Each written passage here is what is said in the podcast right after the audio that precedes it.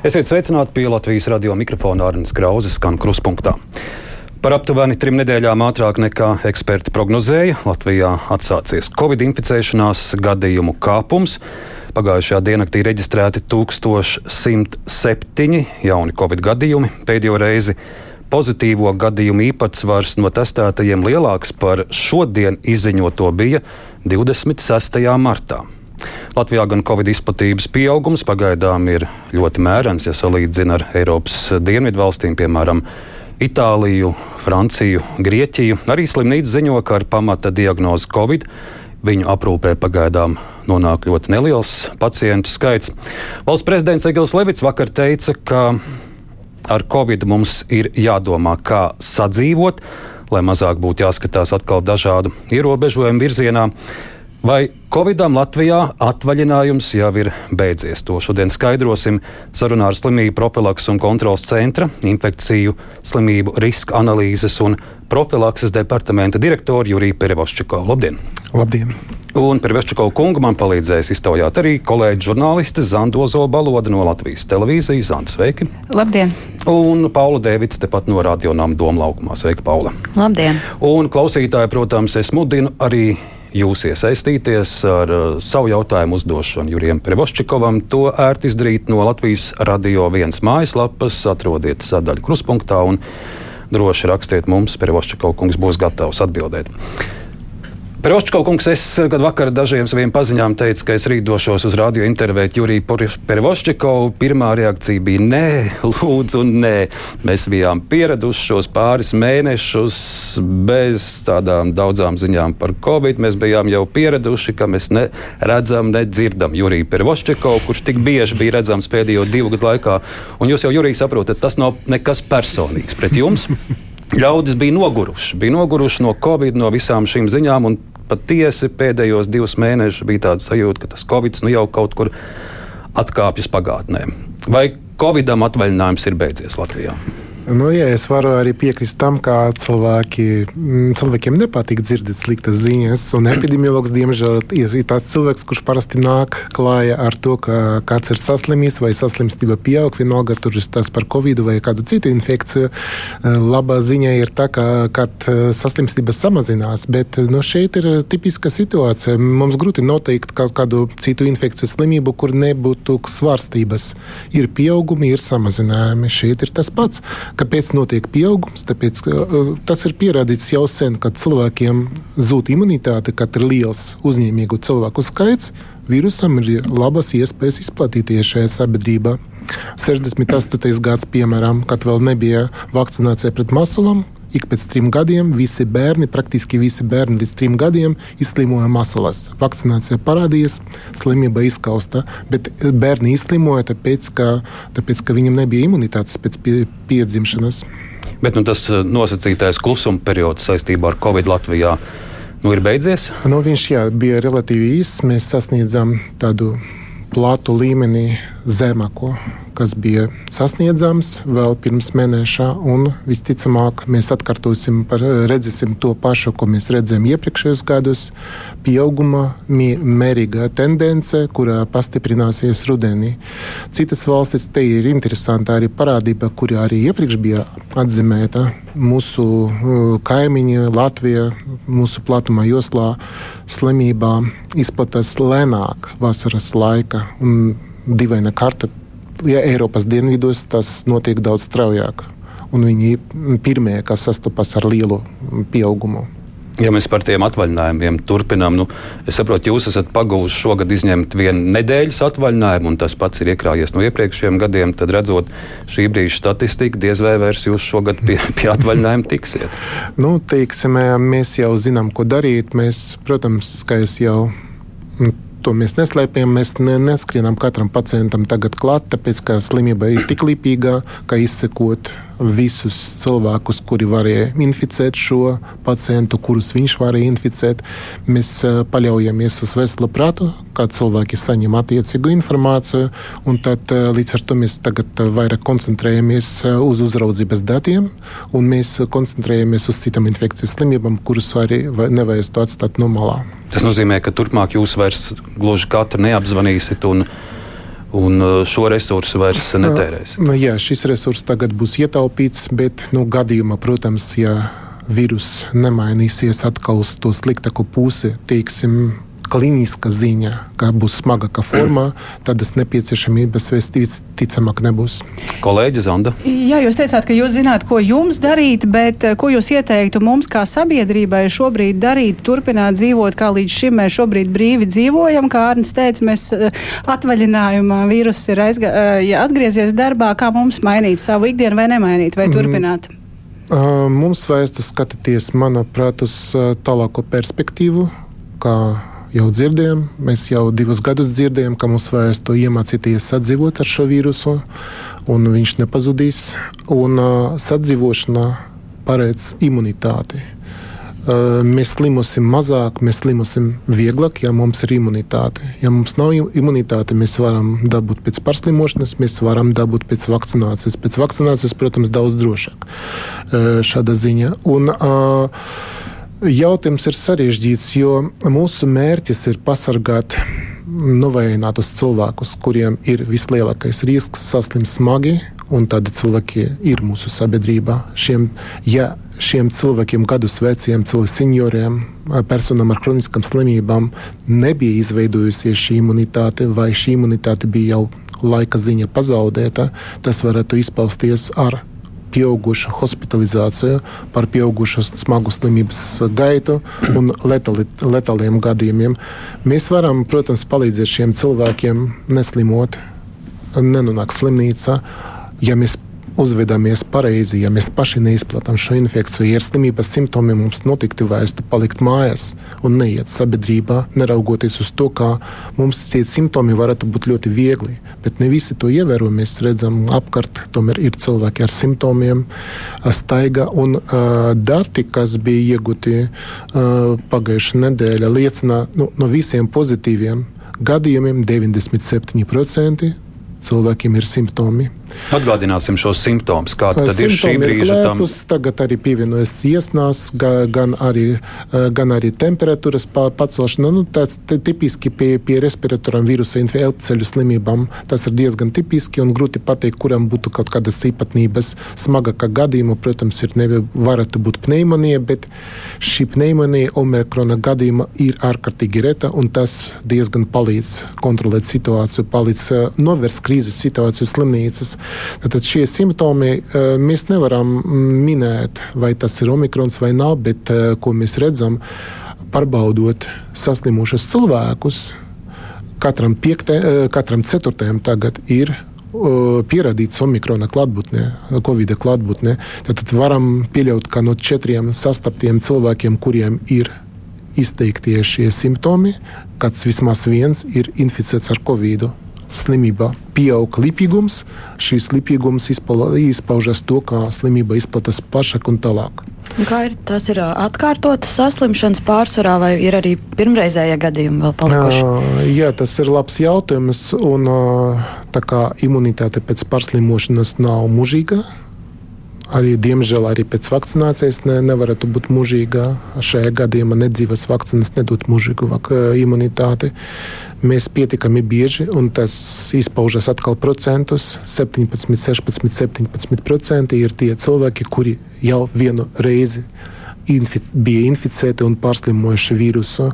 Starptautiskie novērošanas dati norāda arī pat omikronu pārslimojušie cilvēki varētu uh, B1, tas, kas bija BA1, pirmais omikrons decembrī parādījies, pirmais variants, un janvārī tie, kas pārslimoja to pirmo variantu, tagad ar jaunu variantu B4, B5 arī varētu inficēties un saslimst. Man interesē tā, tās tā, atkārtotās inficēšanās statistika. Es atceros, ka es pavasarī taisīju sižetu, bija kaut kur mm, vairāk nekā simts cilvēku, kas bija trešo reizi inficējušies. Tagad ir jau vasara, tad iespējams, ka kāds ir ceturto reizi inficējies. Jums ir šie, šie dati par rokai? Kāda ir šī? Diemžēl tas nebija arī kaut kāds īpašs izņēmums. Bija cilvēki, kuri inficējas arī divas reizes, bet uh, dotajā brīdī man nav līdzi statistiku. Mēs vēl, nu, varbūt apkoposim kārtējo reizi. Jā, tas, kas man interesē šajā kontekstā, ir tas, ko mums uh, dati rāda par to, par to bīstamību, inficējoties atkārtoti. Vai tā atkārtotā inficēšanās ir maigāka, vai tā ir tieši sliktāka veselībai? Mums ir kaut kādi tādi plašāki pētījumi, kas saka, zini, ja tu esi izslimojis vienreiz, tad tev otrais nevajadzētu, vai ja tu esi divreiz, tad trešo vai ceturto būtu jau bīstami, vai, vai nav tā? Pēc loģikas cilvēks, kurš bija kādreiz inficēts un lielākoties viņam ir pamat imunitāte, imunoloģiskā atmiņa, tad tas sastopas ties ar šo vīrusu, un zināmā mērā ir aizsardzība. Lielākajai cilvēku daļai norit vieglā klīniska norise, un, bet varētu būt arī smagie gadījumi, jo cilvēki ir individi, ir, katram ir savas īpatnības, veselības īpatnības, un uh, iespējams par šo laiku šis vīrus uh, varēja izraisīt citu hronisku slimību sāsinājumu, un uh, kaut kādas citas problēmas varēja patiešām būt dominējušas šim cilvēkam pašreiz, un tas varēja būt atšķirīgs, tāds atšķirīgs moments starp pirmo saslimšanu, otru saslimšanu. Ja citi blakus slimības, citas blakus slimības ir palika nopietnāk, tad šis vīrus jauna inficēšana varētu izrisīt arī smagāko klīnisku norisi. Katram gadījumam mēs uh, bijām veikuši zināmā mērā novērojumus, tad, vai, kas notiek ar tiem cilvēkiem, kuri pārslimoja Covid. Tad, tad, tad, diemžēl, diemžēl viņi mirst tuvākā gada laika biežāk salīdzinot ar tiem cilvēkiem, kuri nebija pārslimojuši. Bet tur ir arī kaut kāda no, loma vakcinācijas faktam. Ja ir bijis vakcinējies un pārslimojis, tad tā ir. Uh, jā, pirms, pirms kāda laika mēs paskatījāmies arī uz vakcinācijas datiem. Cilvēki, protams, neapšaubāmi cilvēki, kuriem ir uh, vakcinācija no dažādām slimību, uh, nāves cēloņiem, miruši mm, retāk tie, kuri vakcinēti, tie, kuri nebija vakcinēti, slimo, slimoja un mira biežāk. Tie pēdējie dati, ko es redzu, ka nāves gadījumu skaits no tiem, Covid pacientiem, kuriem ir veikta pamatvakcinācija un balsts vakcinācija, ir astoņas reizes zemāka nekā tiem, kuri saslim ar omikronu un nebija vakcinējušies. Ir varbūt kādi jaunāki dati, šie ir nu, pēdējie, ko es redzēju. Jā, neapšaubāmi. Mēs reizi mēnesi veicam šo apkopojumu. Tas balstas uz diezgan mm, labu pierādījumu bāzi. Tāpēc, ka nu, katram pacientam mēs varam piesaistīt, katram pacientam mēs varam piesaistīt vakcinācijas statusu, tāpēc, ka tas ir uzskaitīts. Bet un, tā ir tiesa, ka tiem, kuri jā. ir vakcinējušies, nāves gadījumu skaits astoņas reizes zemāks nekā tiem, kuriem nebija vakcināts. Sakarā ar to to, ka šie cipari relatīvi nav lieli. Statistiski tur ir zināmas svārstības, piemēram, par jūniju apkopojot, mēs redzam, ka nāves gadījumu biežums vakcinētiem un balstu vakcinētiem cilvēkiem bija trīs un pat četras reizes retāk nekā nevakcinētiem. Tur mazliet mainās, bet stabili norāda uz to, ka vakcinācija dod pozitīvu, ļoti pozitīvu efektu, tāpēc ka um, iespēja vai varbūtība, ka šis cilvēks vakcinētais mirst vai slimus smagāk, trīs vai četras reizes uh, zemāka salīdzinot, ja cilvēks nekad nav bijis vakcinēts. Par vakcināciju vakar man viena kolēģa darbā dzirdēja, ka, ka vaicāja kolēģiem, nu, redzot pēdējo dienu statistiku, ko darīt vai Un, protams, cilvēks, gados jauns cilvēks, viņa vēlas, lai būtu drošība vakcinēties, un tad sanākt jau vakcinēties ceturto reizi. Vai jūs šobrīd rekomendējat to darīt? Uh, principā šeit ir lielas diskusijas arī starptautiskajā līmenī notiek, uh, kas ir viennozīmīgi skaidrs, ka vakcinācija dod kāds ir mērķis tagad ar vakcināciju. Ar vakcināciju izrādās, ka ar esošām vakcīnām grūtāk ierobežot infekcijas izplatīšanos, tāpēc ka mm, imunitāte ar laiku pazūd. Saglabājas, kā mēs jau teicām, pamata aizsardzība pret smagām klīniskām formām. Tātad, kam ir šis risks ir lielāks, riska grupām, veselības riska grupām, tad seniori un personas ar kaut kādam nopietnam kroniskam slimībām. Šeit ir galvenais mērķis pasargāt šos cilvēkus. Tad šiem cilvēkiem noteikti uh, būtu nepieciešams uh, atkārtot vakcināciju. Uh, Pāriem cilvēkiem būtu nepieciešams uh, pabeigt, ja vakcinācijas kurs nav bijis pabeigts, pabeigt vakcināciju vai veikt, uzsākt šo vakcinācijas kursu. Uh, Bet vēlreiz, teiksim, ceturto poti cilvēkam, kurš ir gados jauns, nav kādu slimību risku, jūs pagaidām nerekomendējat? Ja? Mēs nerekomendējam. Principā nav zinātnisku pierādījumu, ka tas dotu kaut kādu lielu sabiedrības veselības efektu šo cilvēku vakcinācijai. Bet tāpēc, ka mēs ar, nu, īpaši nepasargāsim, tāpēc, ka slimība paldies Dievam, šeit redzam, tagad, ka pārsvara norit viegla formā, bet, nu, diemžēl, noteiktām riska grupām varētu būt ļoti lielas problēmas. Un vēl par rudeni, ko šobrīd dara zinātnē. Zinātnē noteikti turpina attīstīt vakcīnas, vai ir gaidāmas kādas jaunas potes, kuras būs daudz efektīvākas par līdzinājām? Jā, tagad ir uh, izstrādātas kombinētas vakcīnas, kuras kombinē iepriekšējo vīrusu ar jaunu omikronu variantu, ar pirmo vai pat ceturto un piekto variantu.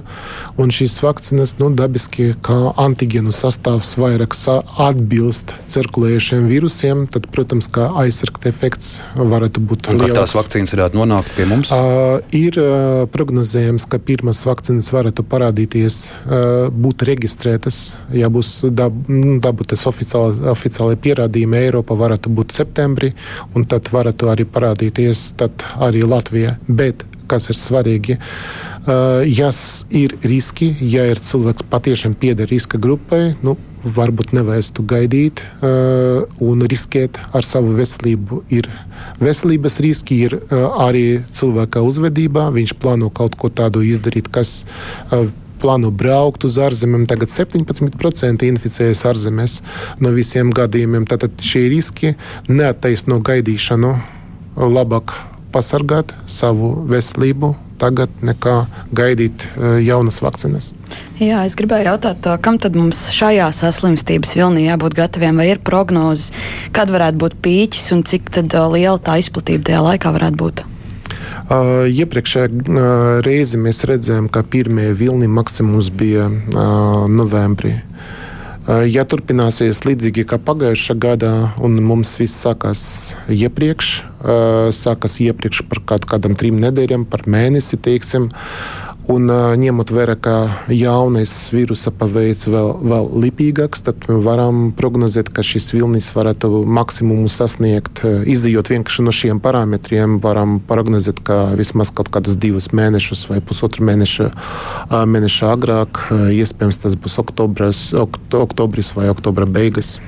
Bet mums būtu pie nu, pašreizējā, tātad, tās pašreizējais omikrona variants, es saprotu, tātad slimi, slimnīcas nenoslogo pārāk pagaidām, bet, bet jūs redzat kaut kādu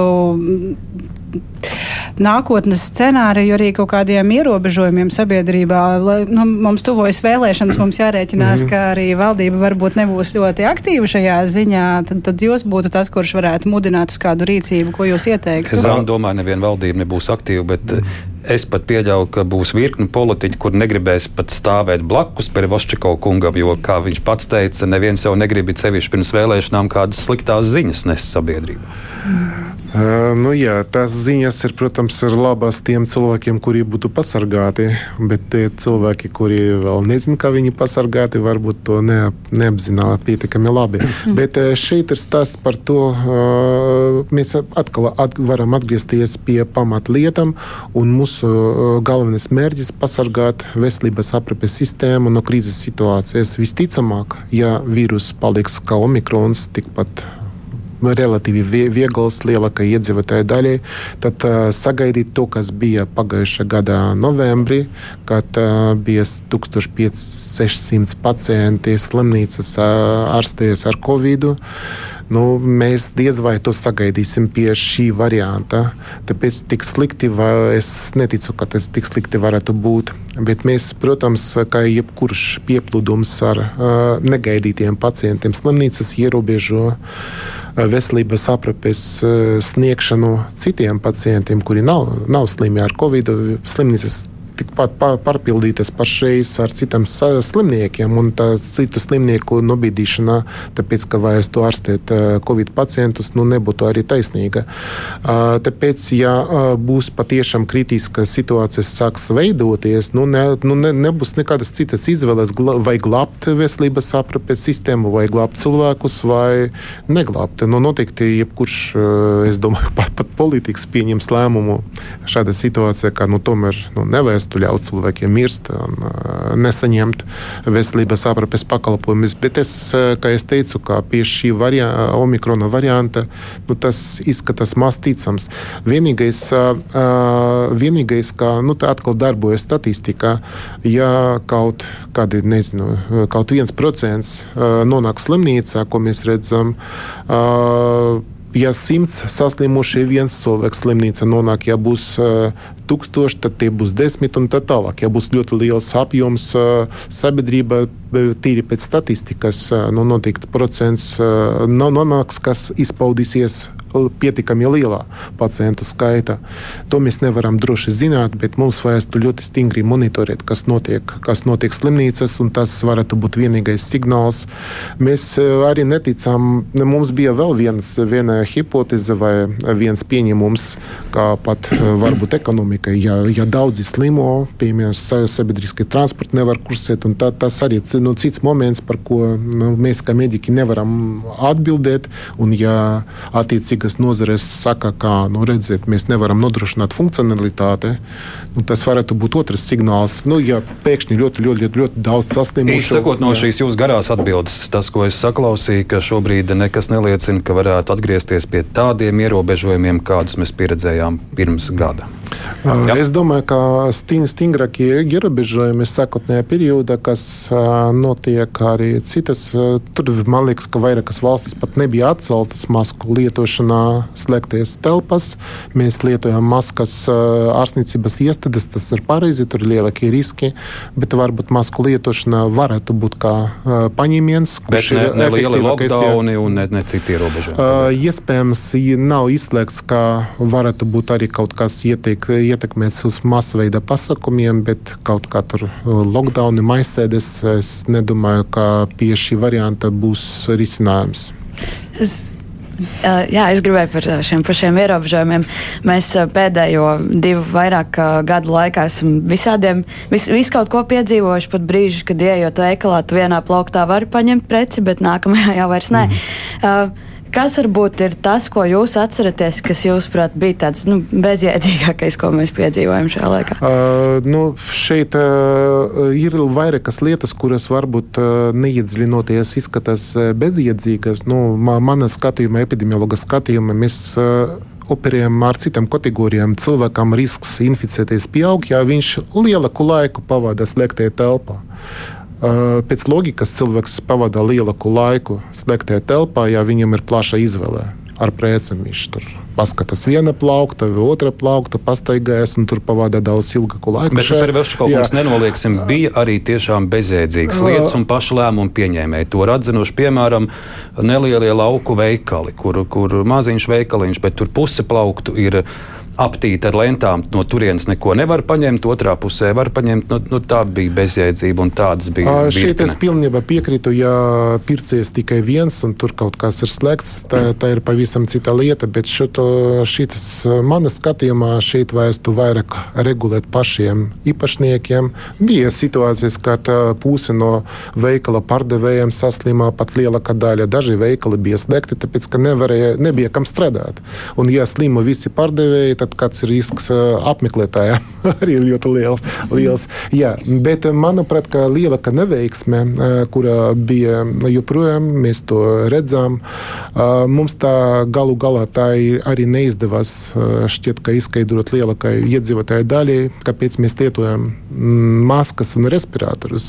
Mēs bieži vien joprojām dzirdam, kā lieciet mūs mierā, gribu slimoja, gribu neslimoja, gribu lietoja, gribu, nu, tā doma, ka šis līdzeklis palīdz neinficēties, bet pirmam, pirmam kārtam šis līdzeklis palīdz citiem cilvēkiem neinficēties. Un neviens nevar zināt, no mums, vai viņš šodien ir inficēts un izdala vīrusu vai nav. Tāpēc, ka vīrusa izdalīšana notiek divas dienas pirms parādās simptomi. To neviens nevar zināt, ka pēc divām dienām man būs simptomi.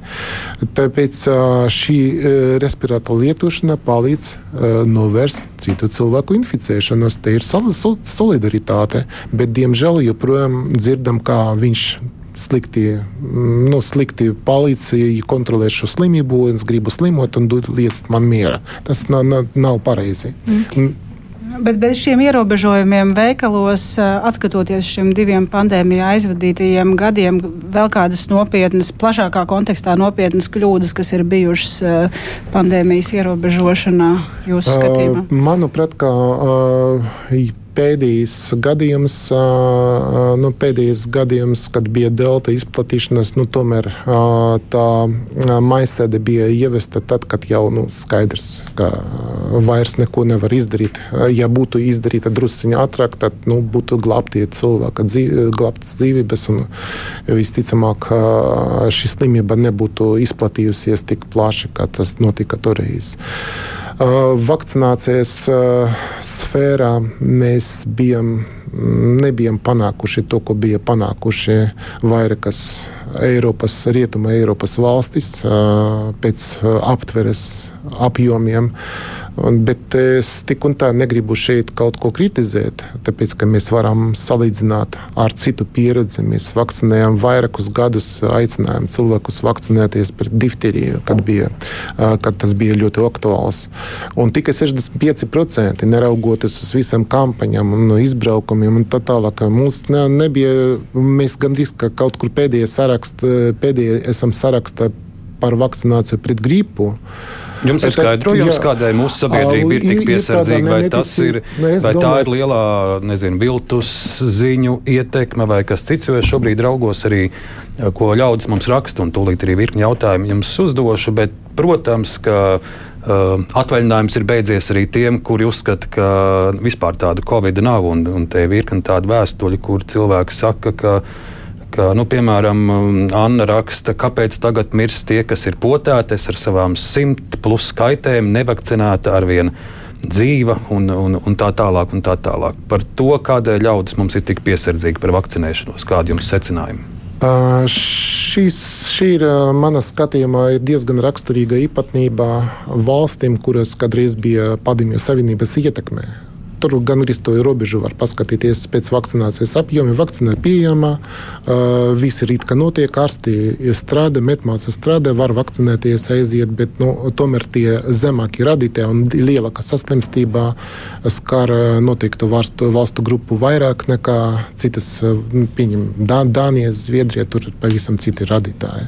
Nu, bet 30, ir 30 gadi ir pagājuši jau kopš padomu laikiem. Jā. Mums jau ir vairākas paudzes, kur neviena diena nav tajā laikā dzīvojusi, bet arī tie ir pie piesardzīga. Jā, es pieļauju, ka šeit ir kaut kāda, kaut kāda tomēr neapmierinātība dzīves līmenis un neapmierinātība ar kaut kādu politiku, bet tas ir jau politiski. Man liekas, ka manā skatījumā tas ir vairāk politisks jautājums nekā medicīnisks jautājums, kāpēc cilvēki uh, atturas pret uh, aicinājumiem un pret valdības lēmumiem. Es esmu dzirdējis brīvā mikrofonā, mums ir zvanīts viena kundze, kā tagad atceros, teica, ka es nevakcinēšos tāpēc, ka man nepatīk veselības ministra. Nu, nesauksim vārdā tā, kas toreiz bija.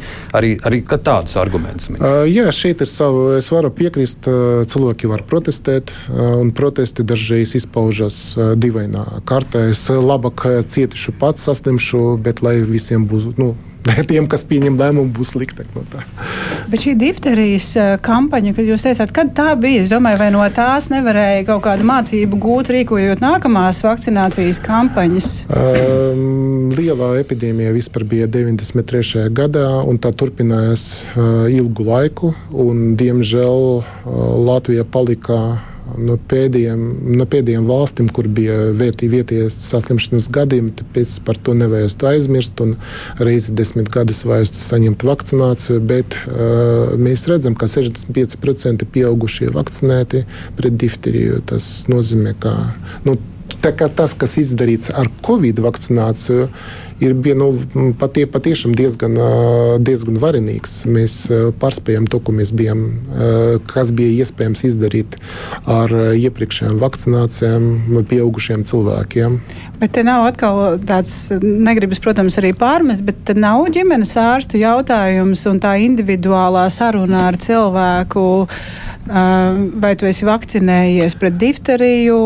Jo tas, ko mums ir arī daudzi pētījumi parādījuši, ka šī individuālā saruna, viedokļu līderis, autoritāte, kas iesaka cilvēkam tomēr kaut ko vairāk nozīmē nekā plakāts uz sienas ar, ar poti.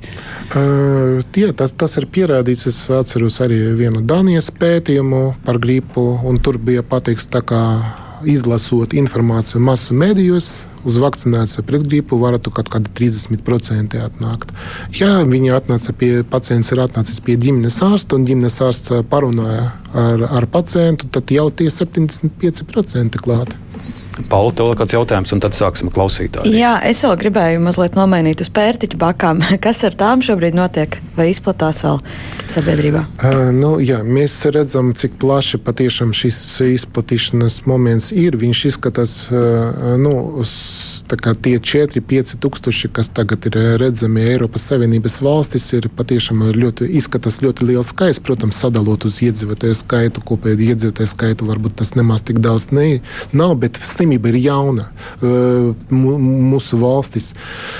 Visticamāk, ka uh, ieviešana, šī vīrusa ieviešana nav notikusi aprīlī, bet uh, krietnu laiku iepriekš. Bet uz doto brīdi ir statistika, ir statistika. Apmēram 99% no apzinātajiem gadījumiem ir vīrieši.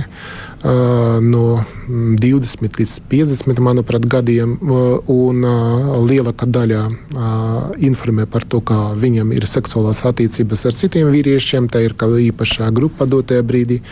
Risks šajā īpašā grupā ir augsts ICDC vērtējumā, bet nav izslēgts, ka varētu aiziet vīrusu izplatīties tālāk uz citām sabiedrības grupām. St stratēģija ir pašreiz ir diezgan skaidra. Vīruss neizplatās tik strauji kā mm, Covid. Šeit ir nepieciešams tomēr tuvāks kontakts, ilgs kontakts kopā, vai patiešām āda pret ādu kontakts ir diezgan svarīgs pie šīs slimības. Apzināt kontaktpersonas no vienas puses ir vieglāk, tāpēc, ka, ja apzināta, tad, tad būs novērošana un slimības pēreklis būs likvidēts, bet atkal no otras puses tur ir nu, īpaša grupa. Tie cilvēki nevienmēr var nosaukt savas kontaktpersonas. Tas palīdz šai slimībai izplatīties. Slimība norit vieglā formā vai vidēja smaga formā hospitalizācijas skaits ir niecīgs. Un, arī nav reģistrēts neviens nāves gadījums. Tāpēc tā šī slimība nav grūti prognozēt, ka būs kaut kāda masveida saslimšana, nokontrolēt pietiekami viegli. Un visticamāk arī būs arī vakcīna, lai palīdzētu kontaktpersonām. Prevošķiko kungs, mums ir daudz klausītāju jautājumi. Es īsi viņus uzdošu un lūkšu arī īsi atbildes, lai pēc iespējas vairākiem var atbildēt. Jānis raksta, esmu 40 gadīgs vīrietis, paklausīgi vakcinējos trīs reizes, bet pēc diviem mēnešiem pēc pēdējās potes es smagi saslimu ar omikronu. Tad jau sanāk, ka no omikrona nepasargā nemaz tā pote. Jā, uh, ir atsevišķi gadījumi, bet šeit ir individuāli gadījumi, var diezgan atšķirties. Mēs varam arī tikpat daudz atrast cilvēkus, kuri, kuri nesaslima. Šeit svarīgi paskatīties uz statistiku, uz vakcinācijas efektivitāti. Vakcina darbojas un pietiekami labi darbojas pirmajos mēnešos pēc vakcinācijas lielākajai iedzīvotāju daļai, bet ar laiku pazūd. Tomēr vakcinācijas efektivitāte mērāmā dažādos aspektus gan pret infekciju inficēšanās, gan pret smagām formām, bet nāves gadiem mēs nevaram zināt, kas būtu ar šo cilvēku, ja viņam nebūtu vispār imunitātes. Elite raksta, biju izslimojusi, gan arī saņēmusi trīs potes, tagad gada garumā mokos ar ārstiem nesaprotamām locītavu, muskuļu, kaulu sāpēm. Ārsti domā, ka tas ir no vakcīnām, man no tā vieglāk nepaliek, raksta Elite. Uh, nu, šeit ir tomēr es domāju, ka ārstu jautājums, ka mēs nevaram komentēt uh, konkrētu pacientu, nezinot visu, kas tur notiek. Ina raksta, cilvēka mirst pēc covid potēm. Jums uzdod jautājumu, kādēļ, bet jūs atbildes vietā vainojat Padomju Savienību. Tātad cilvēki mirst. Tur ir svarīgi saprast, vai ir saikne, vai ir cilvēciska saikne ar vakcināciju vai nav. Jo visbiežākais variants, ka nu, cilvēki arī bez vakcinācijas mirst, dažreiz masveida vakcinācijas sakrīt ar to, ka cilvēki mirst. Un tā, tas no, var notikt eh, arī pirms vakcinācijas, var notikt arī pēc vakcinācijas. Tāpēc šeit ir svarīgs eh, speciālistu novērtējums. Ievēja jautājums no 1. jūlija pedagogiem atcelta prasība par Covid vakcinācijas izslimošanas certifikātu. Varbūt tā bija kļūda? Uh, certifikāta uh, atcelšana pedagogiem. Uh, nu, pa, mēs, es, man, mans viedoklis dotajā brīdī certifikāts uh, nav vajadzīgs.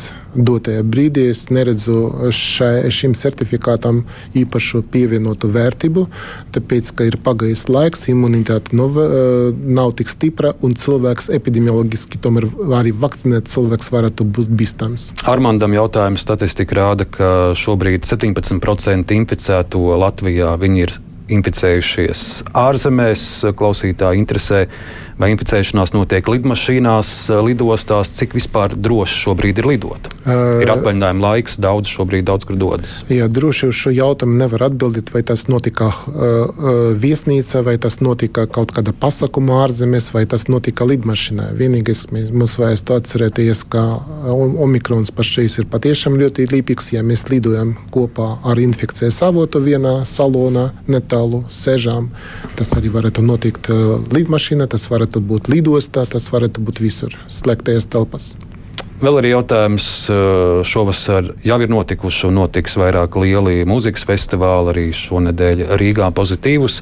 Summersound Liepājā vai organizatori vēršās pie jums slimību profilaks kontrols centrā, vaicā kādas rekomendācijas kā šos pasākumus drošāk rīkot, un vai šobrīd šādos publiskos pasākumos ir gana droši atrasties. Uh, nu, teiksim, arī pilsētas svētki, arī zvejnieku svētki, daudz kas tāds. Teiksim, šie pasaku, šo pasākumu nav daudz, bet viņi diezgan bija pārdomāti iepriekš, un iepriekš arī mūsu mājaslapā ir ieteikumi, kā labāk organizēt pasaku. Nu, šeit ir galvenais, lai nebūtu kaut kādas īpašas druzmēšanas vietas, kur cilvēki druzmējas un pēc iespējas ievērot. Bet, ja tas notiek ārā, svaigā gaisā, jūs ārā svaiga gaisā, ārā svaiga gaisa riski joprojām pastāv, tāpēc, ka cilvēkiem mēdz komunicēt viens ar otru, īpaši festivālus, bet uh, masveida kaut kāds izplatīšana svaiga gaisā nu, nav tik uh, sagaidāma, kā būtu slēgties telpas.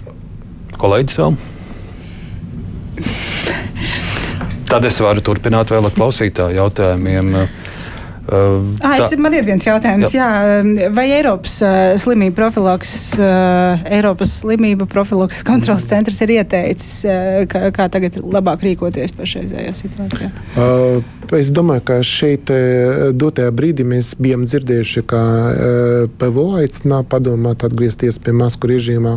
Iespējams, nu, tur nu, grūti ko iebilst, bet, bet uh, visi citi pasākumi ir nu, līdzīgi. Mēs ievērojam distancēšanu Mums galvenais slimīgi neies, neiesim uz darbu, nekontaktēsimies ar citiem. Ja saslim ar, ar covid, tad nu, vajag izturēt šo izolācijas laiku, informēt kontaktpersonas. Kontaktpersonam arī būt jābūt prātīgiem un uh, vajag maksimāli ievērot distancēšanos, palikt mājās.